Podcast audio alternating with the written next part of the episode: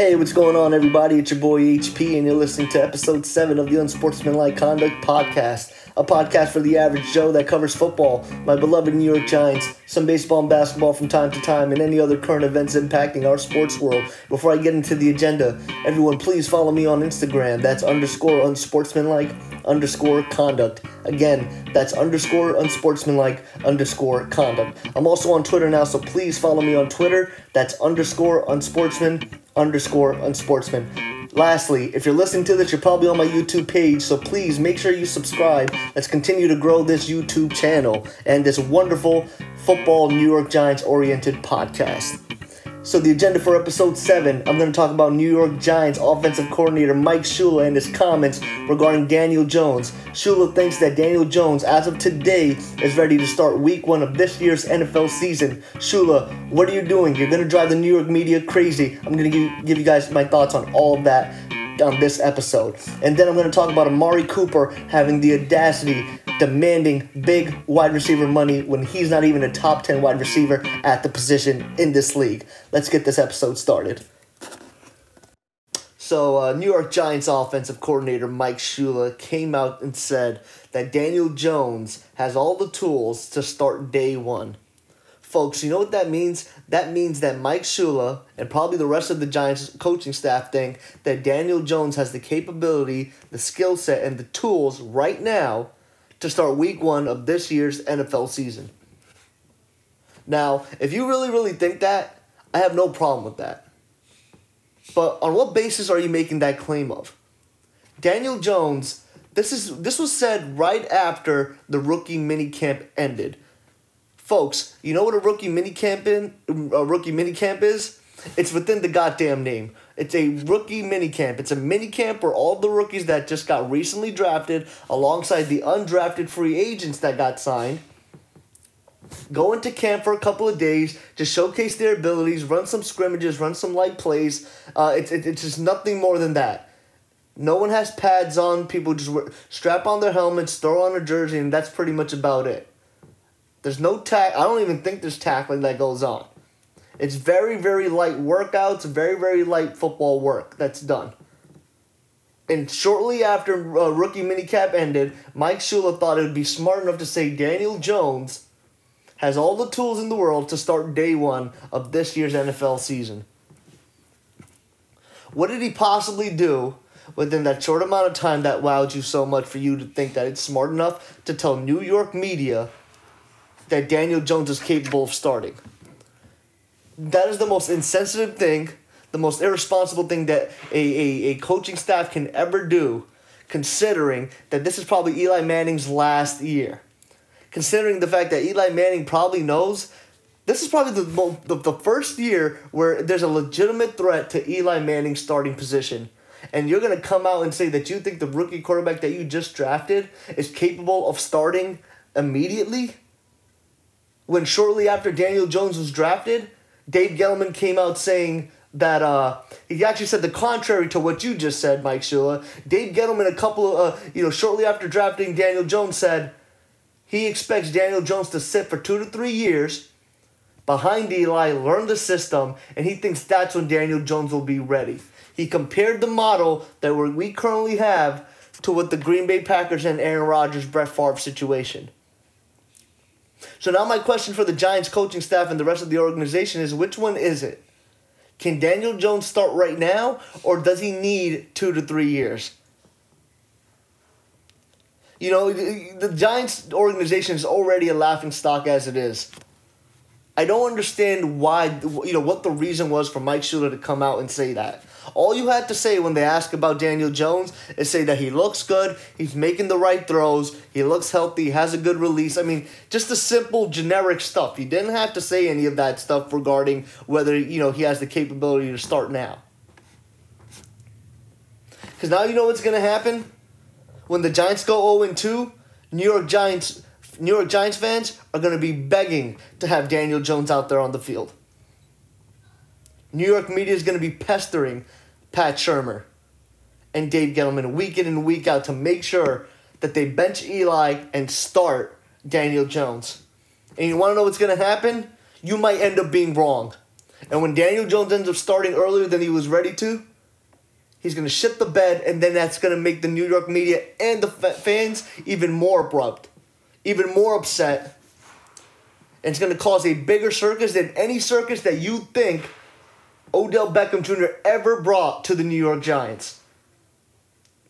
Because this is the first year, and I've said this a couple episodes ago, this is the first year in Eli Manning's career where there is doubt, uncertainty on what's going to happen with the quarterback position. You know, I didn't. I honestly didn't believe that that Daniel Jones would start in two years. I didn't think that. I thought that was smoke and mirrors. I did expect Daniel Jones to come in maybe by week eight when we're, we're you know we're mathematically it's nearly impossible to make it to the playoffs. Then Daniel Jones would come in and start and start games for the New York Giants. That's what I thought would probably happen.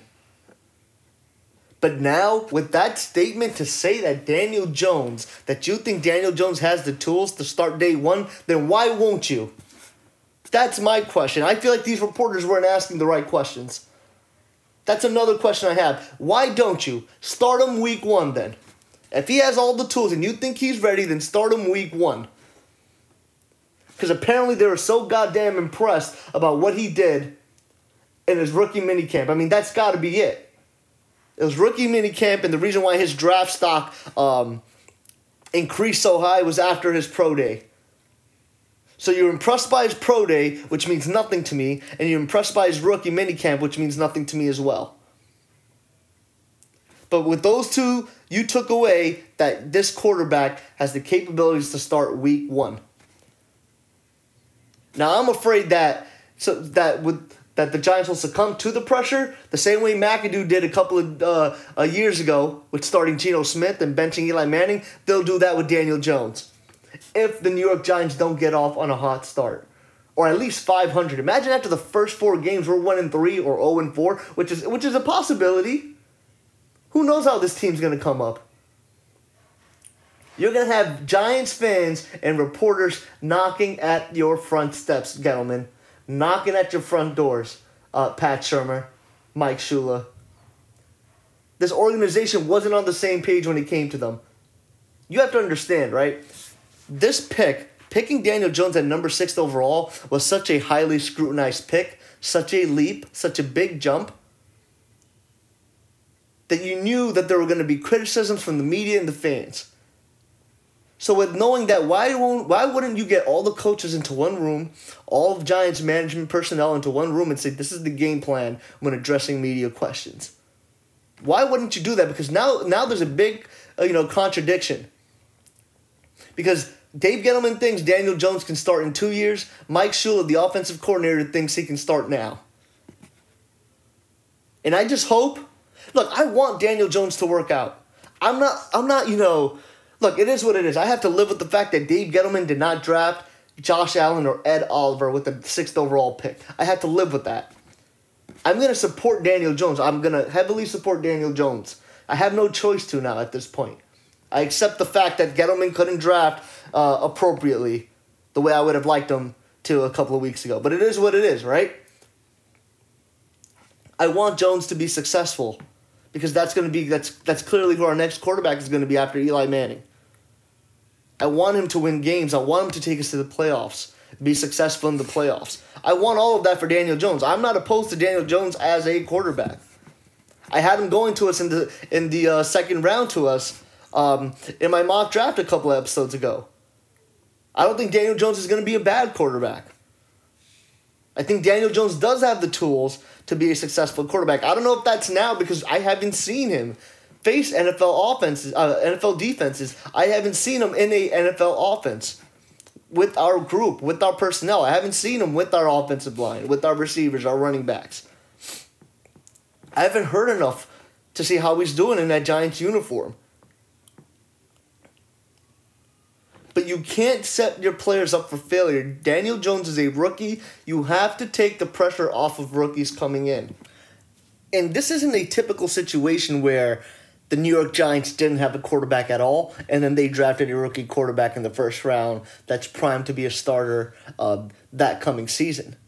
This is a very, very uh, unique situation. You don't usually see this situation um, too often. Right? Daniel Jones is supposed to be on the bench. He's not going to start this year. He's not supposed to be the starting quarterback week one. So for Mike Shula to come out and say something like that, not only puts enormous pressure on on on on Eli Manning to make sure that this team does well, the whole team has to be playing well and firing on all cylinders right off the gate. But now New York Giants fans are going to be all eyes and ears waiting to see what's going to happen with Daniel Jones. Because the second Eli Manning shows some sort of sign that he's not looking too well, that he can't move around the pocket, that he can't make the throw. Um, he has one bad game. New York Giants fans and the media are going to jump all over this and, and, and cry for Daniel Jones to be a starting quarterback. And the worst thing you want to do is put Daniel Jones in when he's really not ready to be in there. You can't have one side of the organization say that he can be a starter in two years, and then at the front line where the coaches are, say that he has the tools to start day one. That's it's just concerning. It's a it's it's very misleading, and I would just tread carefully from here on out with comments about Daniel Jones. And let's be honest, look, I think Daniel Jones probably will start this year. I think, you know, uh, we, we get through the eight games, and once we're mathematically out of it, or it's mathematically impossible to be in it for the playoff run, I have Daniel I, I have Daniel Jones um going in and starting. I, I predict that. But in order to do so, and this is gonna lead to my next point. In order to do so, you have to make sure you can identify his areas of improvement immediately right now. You want to make sure that when he starts, he is ready as you claim he is. Right? And so the best way to do that is to make sure that at training camp, which should be starting in a couple of weeks, in training camp, Daniel Jones needs to get a lot of reps with the first team players, with first stringers. And for folks for those of you who don't know what first team or first stringer means, it pretty much means the starters. That you know in week one, heading into week one, these are the players that are going to start for this team. And what typically NFL teams like to do with their rookie quarterbacks that aren't going to start the season, they usually have them play with the, the third stringers or this or at best the second stringers. Those are the sort of like middle talent to lower tier talent on the team. And some people on the third stringers are actually people that are trying out. Some of them are also people that are still red shirts. I can't don't have Daniel Jones playing against those guys and with those guys. He needs to get reps equally to the way Eli Manning would get reps in training camp. Daniel Jones needs to instill confidence in himself with the offensive line and the rest of the offensive weapons. I want to see him behind an offensive line with Nate Solder, Will Hernandez, Jon Halapio, Kevin Zeitler, and recently signed right tackle Mike Zemmers. I want him to play with Saquon Barkley. I want to see how he looks throwing uh, passes out to Barkley when he comes out of the backfield.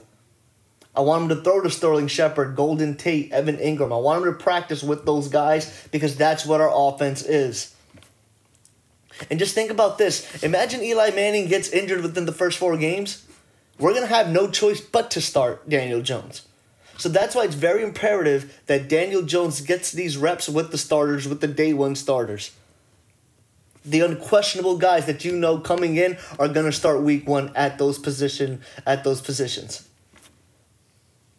And then from the other side of the ball, I need Daniel Jones to get reps against the first string defense.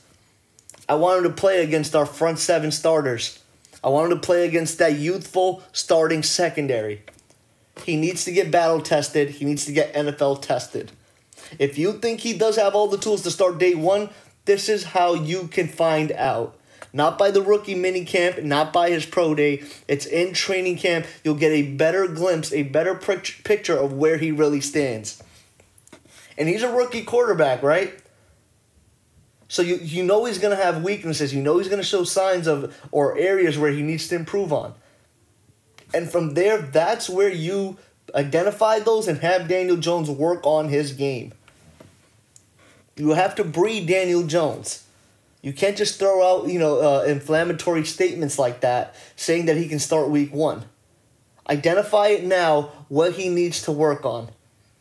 And in training camp, that is the best way from, from a timing standpoint, as of right now, what you can do to figure out where Daniel Jones is as an NFL quarterback, how he can stand against NFL competition. Don't put him against the second stringers and the third stringers or the red shirt guys.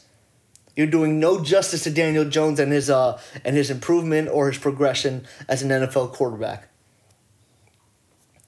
And then shortly after the training camp, when preseason starts, this is where it gets more important. Because Pat Shurmur, Mike Shula, you have to do this. You have to give Daniel Jones first team reps in preseason games. And the good thing about Eli is Eli doesn't need to play in the preseason anymore. So you don't need to give Eli Manning any reps in preseason. You have to give Daniel Jones reps in preseason. I want him playing one full quarter at least. I want him playing a lot. I actually no, I want him to play a half. At least for two games, show me a half of football. I want to see how he looks driving down the field. I want Daniel Jones to get sacked. I want Daniel Jones to make some bad throws because I want to see can Daniel Jones does Daniel Jones have the ability to recover and rebound? Daniel Jones needs to get battle tested before he actually starts, and I think the preseason is the perfect opportunity to do that. And I'll be honest, Giants fans, I miss football so much, but even when preseason starts, it's a little hard for me to watch football when preseason starts because it's just not exciting football to me. I can care less about it. There hasn't been really a big story for New York Giants fans as it relates to uh, preseason, but I think this is the first first year where we actually have to figure out if we can have a quarterback for our future, and the preseason is the perfect time to figure that out. I think the New York Giants do have a story, something for me to actually be interested and tune into in this year's preseason. And I'll definitely be watching. But you know what? If I find out Daniel Jones doesn't get the reps that he needs, I'm turning that shit off. Because I, I, I can give a damn. Daniel Jones has to get enough reps. That's why they identified that Dak Prescott could be the quarter for the Dallas Cowboys. That's what the Dallas Cowboys did. They that's how they figured out that Dak Prescott can be their quarterback and they can comfortably let Tony Romo sit on the bench. They did the same thing with Mark Sanchez. The Jets and New York Jets and Mark Sanchez situation was a bit more different because Mark Sanchez came into the New York Jets. He got drafted into New York Jets expecting to get started, but he got enough preseason reps where there was a story where people were, were able to evaluate his gameplay. They said that they did the same thing with Dak Prescott, right? Remember, he had a great preseason, and then there was so much hype around him. Uh, uh, from, from a standpoint of people were saying he's one of the they've never seen someone more poised than Dak Prescott, and and, and as stupid as that sounded because it was in preseason, it worked out for the Dallas Cowboys because they ended up starting him, and you know the Dallas Cowboys now have a future franchise have a uh, currently a franchise quarterback. You have to do that with Dan- Daniel Jones. Look, I'm not opposed to starting Daniel Jones. If you think he's ready week one, then do it. But figure it out right now. Don't just make a statement like that. Figure it out right now. Because the worst thing you ever want to do, if you don't give him first team reps in training camp or in preseason, and then thereafter during the uh, during uh, you know just during regular uh, weekly practices, then by t- year two or year three, when Daniel Jones is supposedly really supposed to start, as per Dave Gettleman, if you find out two, three years later that this kid can't ball, that's when you have set the franchise back five to ten years. Because you have failed to figure out whether your sixth overall pick, which was eh, which was supposed to be our franchise quarterback, you have failed to figure out whether he can do it or not, whether he can live up to the expectation as a sixth overall pick. And again, I have no objection to Daniel Jones as a player. I expect him to go to the Giants. I had him going number two uh, in the second round to us. I think he has some pretty good skill sets. But I didn't expect him to start week one. I didn't think he was good enough yet to start week one. But I also didn't know enough. But for Mike Shula, the offensive coordinator, to come out and say that, that is just, it's alarming it's it, it's it's insensitive. It's going to put a lot of pressure on this offense this year. And, and I'm, I'm really just surprised that the media hasn't gone even more crazy about this, that Mike Shula came out saying that. I'm very, very surprised. So I figured, you know, why not let me spend my, my, my podcast talking about what the real issue is behind Mike Shula's comments. So you need to prepare Daniel Jones. That is a must. Right? And it just you have to follow the formula that I laid out. Give him the first team reps in training camp and give him a good amount of football time during preseason games. I want him playing all four preseason games. I want him to play at least two quarters of all uh, four preseason games because we need to get a legitimate look at where our future quarterback positioning stands. And that is the that is the you know that's the best way that is the closest thing you can get from where uh, from a picture standpoint of where you think we stand. That is the clear that is the best way right now where you can determine if Daniel Jones can be our future quarterback. Because if you're not going to start him right away, then there's no other way to figure out if Daniel Jones can really ball or not. So they have to execute this right. They have to prepare and, and help his progression. And th- those two ways, training camp and preseason, as of right now, from a short term goal perspective, is the way to go in helping Daniel Jones be a successful New York Giants quarterback uh, in the near future. And speaking about uh, you know helping quarterbacks succeed in the near future, uh, Dave Gettleman finally finished rebuilding this offensive line by signing right tackle Mike Remmers I did uh, reference Mike Remmers as Mike Zemmers a couple of minutes ago, but yeah, Mike Remmers, who was previously a left tackle for the Minnesota Vikings, the Carolina Panthers. He did move around the league a little bit. I think he was also on the St. Louis St. Louis Rams previously, who are obviously currently the Los Angeles Rams. He's been in the league for about six, seven years or so, uh, and he was also he's had some success at tackle. Uh, he was part of that Carolina Panthers team that went fifteen and one and went to the Super Bowl. He was also part of that uh, Minnesota Vikings team a couple of years ago that ended up going to the NFC East. I mean, the NFC Championship. But what ended up happening was uh, last year or two, they ended up moving him into guard, and that's when he struggled. And then he also had a back injury, so currently he's recovering from back surgery. But uh, you know, I think that was a good signing. It's a low risk, high reward type of signing. Uh, I think you know at the end of the day, if Mike Remmers doesn't work out, there's still room of, of improvement to fill at right tackle. I don't even think Mike Remmers might even start. So you know, uh, you know, we'll see how that, that that signing ends up going, but I think it definitely provides well needed depth to our offensive line because I think from a starting standpoint, our offensive line starters, it's a pretty solid group. It's a pre- it's you know it's it's it's a B graded group.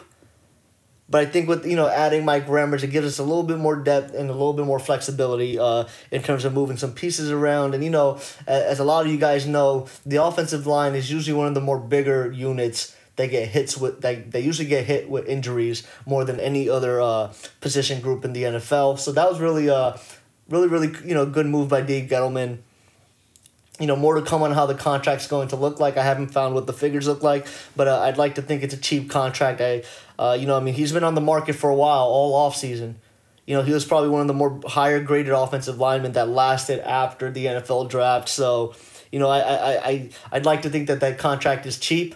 I know there were a couple of teams in play for him. I think the New York Jets were in play for him. I also think the New England Patriots were in play for him as well. So, uh, you know, good good move by the New York Giants, finally completing that uh, the, the, the building of that offensive line, which is obviously well needed. And uh, you know, and I and I think the reason why the New York Giants decided not to address right tackle immediately early in the NFL draft was because I think they had their radar on Mike Remmers. So you know that'll be interesting to see how that ends up plan, uh, planning out. And this goes kind of, and this kind of goes back to just what I've been saying you know, ever since I started this podcast, because I've been such a big advocate of Dave Gettleman, despite my recent criticisms after the NFL draft. But Gettleman understands what the team's weakness is, and he ends up finding out how to address it. When he came into the New York Giants, he knew that offensive line was a weakness. He fixed it up within a year and a half. Within a year and a half, I can finally say that I'm comfortable heading into this season knowing that offensive line is not going to be a weakness. And think about it this year's NFL draft, offensive line was finally not a glaring, uh, you know, weakness. It was finally not one of the main positions the New York Giants needed to address. But that's very, you know, you couldn't say that the last five, six, seven years or so. You know, the last five, six years, people were thinking, is Jerry Reese going to draft an offensive line, and he never would. Or if he did, you know, he would hit and miss on them. So, you know, Dave Gettleman did a great job of just rebuilding this through not only draft capital, but but also, you know, free agent signings. So, you know, kudos to Dave Gettleman on that. You know, I think another example of him just addressing a weakness on our team. Granted, I wish he would have addressed pass rusher in this uh, this year's NFL draft. He really he he addressed the defensive line, but I don't know if we found a premier pass rusher just yet. But he addressed another weakness, which was a glaring weakness, and that was our secondary. He drafted two young studs with DeAndre Baker and Julian Love, who are who are who are primed to start this year. Those guys are day one starters. When when Landon Collins walked out, he got a cheaper version of Landon Collins and he got Jabril Peppers. So we have a good core group of uh, DBs in, in our secondary. And, you know, I think Dave Gettleman just did a really good job on that part, too, of addressing weaknesses. And Dave Gettleman also addressed the weakness with our linebackers. Similarly to offensive line, the last five years or so, you know, I always thought, okay, this is this has to be the year that the New York Giants draft a linebacker, and we never did. But Dave Gettleman came in here. He's had about uh, you know a year and a half with with the with the New York Giants, and he's addressed linebacker. I think linebacker is one of our more complete groups, our complete positions in that defense. So you know, just really really good stuff by Dave Gettleman. And again, just to recap, you know that signing of Mike Remmers, you know, obviously made complete sense. Low risk, high reward uh, potentially a high reward with that signing. And I think you know Dave Gettleman is is slowly going to uh, you know make this team competitive, and I think a lot of people won't be giving us a chance this coming season. I know I had them ranked as the fourth team in the NFC East, but you have to understand the NFC East is a stacked and always has been a stacked division. But I think we're going to be a very competitive team. Granted, we won't probably make the playoffs, but I think with the additions that Gettleman has made over the last year and a half, the last two off seasons, I think we're going to be more competitive than a lot of people are expecting us to be. So, you know, you guys, Giants fans, should definitely be on the lookout for that. And speaking of the NFC East, an interesting story that came out earlier this week. You know, that's sort of the theme of, you know, episode seven is stories that came out uh, earlier this week. And so, Amari Cooper, wide receiver for the Dallas Cowboys, apparently uh, with respects to his contract extension, contract negotiations, is expecting and actually demanding. If you look it up, that's what the words are being used in these articles. He is demanding a sky high uh, contract extension from the Dallas Cowboys. He is expecting to get paid. I don't get it. I honestly don't even see it with Amari Cooper. I don't think he's that great of a wide receiver. I think he's a good receiver. I think is a decent wide receiver one on any team, right? I mean, but like I don't think he's that great. And to me, it's a little alarming that that he he has that sort of audacity. He thinks he can ask for that type of money from the Dallas Cowboys. But before he got traded to the Dallas Cowboys, people were wondering what had happened to Amari Cooper. He had two good years with the Raiders. People were wondering and beginning to question why is Amari Cooper suddenly just dipping? Why isn't his production as good as it should be? Because remember, he had a good quarterback. Derek Carr is a good quarterback. He, I think he's better than Dak Prescott. But those last two years, well, I would say the last year and a half that he was with the Raiders, he was crap. Dropped way too many passes. He just wasn't productive enough. But it's just it's interesting to me that that you know Amari Cooper wants big wide receiver money I think he wants to get paid like the top tier receivers in the league, but his statistics don't really prove that he's worth the money. He's been in the league for about, what, four years? And only one out of the four years he's gotten over 80 receptions, which was 83 receptions. Other than that, Amari Cooper barely breaks the 70 reception mark, barely breaks the 1,000 yard mark, and I think his career high in touchdowns is seven touchdowns. That is not a guy that you pay big wide receiver money. But you know what? I don't blame him from a from a uh, I guess from a uh, negotiation standpoint. He has a lot of leverage to do so because we saw that Dak Prescott struggled to move down the ball, move move the ball down the field effectively without a wide receiver weapon. Amari Cooper was the first weapon for Dak Prescott, and we've seen it. They've even won a playoff game with Amari Cooper. And we've seen that, right? I mean, they beat the Seattle Seahawks. It's not like they beat some scrub team. They beat the Seattle Seahawks, which was a very competitive team, and that game was such a very tough and competitive game. So you know, I just think that um, you know, from from from a market standpoint, you know, this is just sort of one of your traditional uh, you know moments in the NFL where the market has uh, more demand than the supply. At this point, the Dallas Cowboys seriously have to consider, uh, you know, granting what Amari Cooper wants. Because if you think about it, they didn't address wide receiver in the NFL draft. They probably didn't feel like they needed to because they have Amari, uh, they have Amari Cooper. You know, Jason Witten did come back, which I think that they're really high on Jason Witten coming back. And then they do have that young wide receiver in uh, Michael Gallup, who showed some flashes last year. He didn't get a lot of playing time, unfortunately. I thought he should have. He was actually one of my sleepers that I thought were going to be one of my sleepers in last year's uh, NFL from a fantasy football perspective. But they ended up not playing him that well. He didn't get as many reps as he should have until, I would say, the second half of the year. But they probably feel really comfortable at wide receiver. But they're to have to be really, really careful because Amari Cooper is, you know, they're you know, they have to tread carefully because Amari Cooper is asking for a lot of money. And it's it's really, really ironic that the Dallas Cowboys, this is the third player in the third in, in, in another position that's asking for a lot of money. But the Dallas Cowboys will probably have no choice but to give them that money given what the market has, given what the supply is out there. First example, DeMarcus Lawrence. They paid him a crap ton of money they're expected to pay Dak Prescott $30 million a year, which when that happens, oh, believe me, I will address on this podcast. And now Amari Cooper. But I never really got to deal with Amari Cooper. I can ne- I, I never really knew what he was so good at. Which I think was why it was so easy, I guess, for NFL teams to sort of like hone in on him and, and, and defend him on Oakland. I think that's why he ended up sort of dipping because it's not like Derek Carr had you know, horrible, poor stats. He just had normal stats even when he struggled. So it, I don't know. I mean, I don't think he's worth the money, but I think he's going to get the money because the Dallas Cowboys have no choice but to do that for Amari Cooper. But in no way do I think he's better than than than a lot than, than some of these top wide receivers in our league that are getting paid a lot of money. And and and I guess the reason why I think that you know it just it it bothers me a bit from from sort of an NFL fan perspective because Amari Cooper, you're not even a top 10 wide receiver. So how can you demand, literally quote unquote demand a big contract when you're not even uh, you know one of the top 10 players in your position? Cuz Dak Prescott even though he struggled to move down the ball, without uh, without a legitimate receiver, he still played well. He still made the right decisions. He was still efficient. He was still a good game manager. What you provide is just a, a is, is, is a threat from a wide receiver standpoint. But you know what? The Dallas Cowboys were still winning games. Dak Prescott was still successful without Amari Cooper.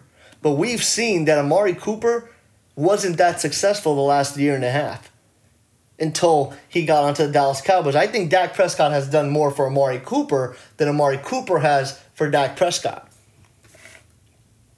But like I said, Amari Cooper isn't a top 10 wide receiver.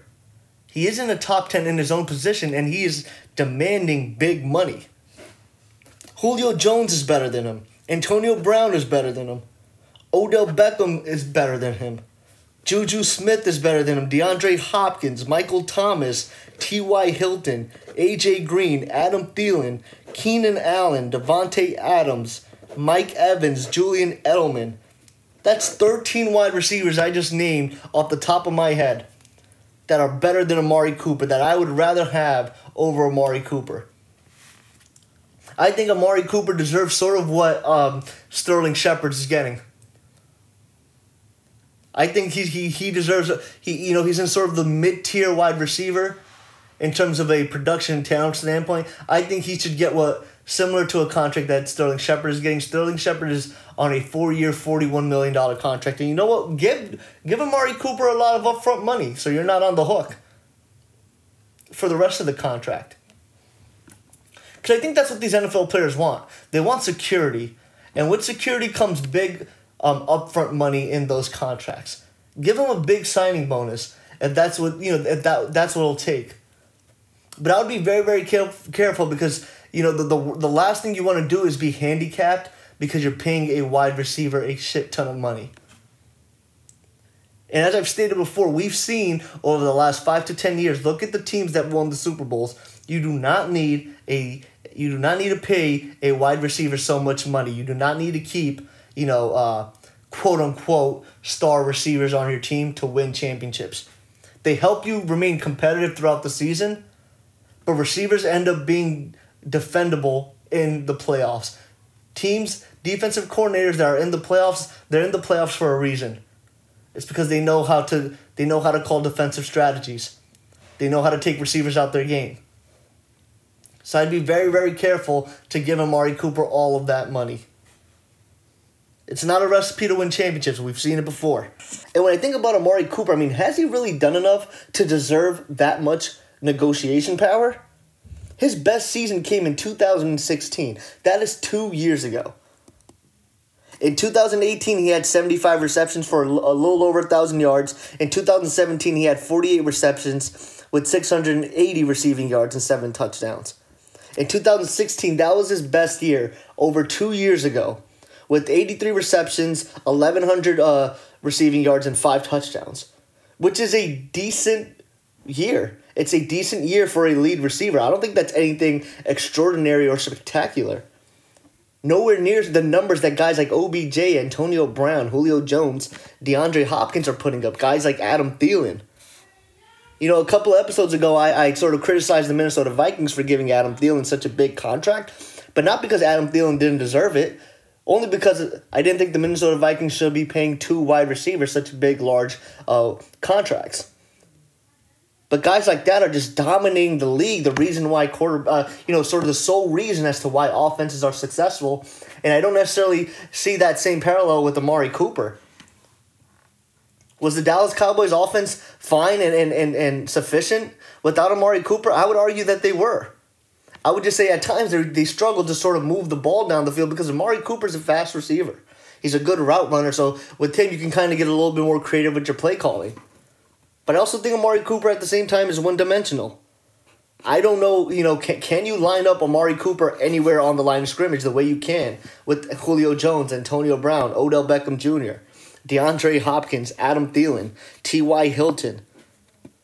I mean, A.J. Green has had some stud years before 90 receptions, 12, 1,300 yards.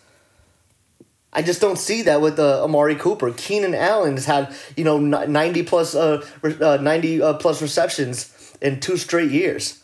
I mean, there are guys that are putting up legitimate numbers. Guys like Mike Evans, who who I mean, literally, I mean, we've seen how how poorly Jameis Winston has played over the last couple of years, and Mike Evans is almost legitimately the only reason why the, uh, you know that Tampa Bay Buccaneers offense had a legitimate threat at, at from a, a passing game standpoint you know, there was this whole uh, sort of hype around the, you know, like Fitz magic, but I mean, I don't think that's possible without guys like Mike Evans.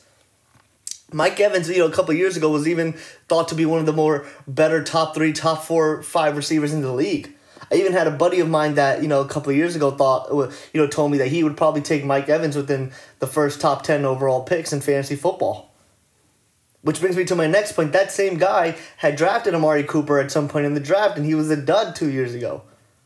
Amari Cooper isn't even a threat for fantasy football purposes. I mean, this year it might be a little bit different given his rapport and success that he's had with Dak Prescott, but still, nevertheless, I don't, you know, I would still be a little scared to pick uh, Amari Cooper because there's just so much other wide receiver talent that I would go for. I think, I, you know, the thing with Amari Cooper is at the round that he would be available would be a round where I would probably not take receiver if Amari Cooper's the best wide receiver available at that point. I just don't really see it with Amari Cooper for him to, uh, you know, ask for that much money. But again, I think from a negotiation standpoint, it's smart because who else are the Cowboys going to rely on? It's going to be very, very interesting to see how that plays out. Because now this is the third player in one in, in the in a single offseason that the Dallas Cowboys now have to prioritize on paying big money. Like I said before, they just gave a big contract to DeMarcus Lawrence they're you know they're, they're potentially going to give Dak Prescott thirty million dollars a year, and you know that one's also going to come with a lot of upfront money, and then Amari Cooper. So we'll see how that plans out, and then also at the end of I believe next season, Ezekiel Elliott, you know he's potentially he can potentially walk out. There's a reason why the Dallas Cowboys drafted two running backs in this this year's draft. I think they're they're afraid that they may not be able to hold on to uh, Ezekiel Elliott. They also drafted an offensive line earlier in the uh, in the NFL draft too because uh, they may lose out on re-signing La'el Collins. So I think you know there's a lot of you know question marks with you know, you know the all, all, all I'm saying is Dallas Cowboys management has to sort of figure out what their priorities are and where they're going to put their money in. I don't think they need to put big money on Mari Cooper because I don't think he's worth it. And I think they'll be making a big mistake. Hopefully, they do make the mistake because I'm a New York Giants fan, and uh, you know anything the NFC East division teams want to do to put themselves and shoot themselves in the foot, you know, I'm all I'm all for it. But uh, you know, th- that's just my take on Amari Cooper, and so I just kind of wanted to voice this opinion because I, you know, this is another topic similarly to, you know, the Mike Shula comments on Daniel Jones being able to start day one. I just felt like there wasn't enough media coverage on this topic.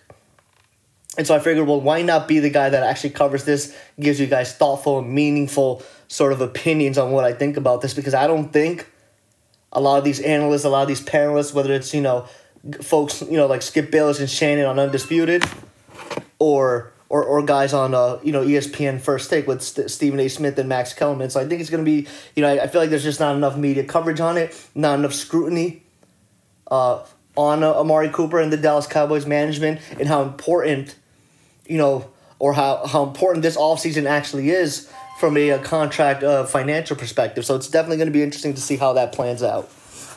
And folks, that's a wrap. That was episode seven of, of Unsportsmanlike Conduct. I do appreciate you guys tuning in. Please make sure you follow my Instagram page. That's underscore unsportsmanlike underscore conduct. And I'm also on Twitter, so please follow me on Twitter. That's underscore unsportsman. Also, if you're done listening to this episode, you might as well subscribe. So please subscribe to my YouTube page. Thanks so much for listening in. Peace out. The podcast you just heard was made using Anchor. Ever thought about making your own podcast? Anchor makes it really easy for anyone to get started. It's a one stop shop for recording, hosting, and distributing podcasts. Best of all, it's 100% free. Sign up now at anchor.fm slash new. That's anchor.fm slash new to get started.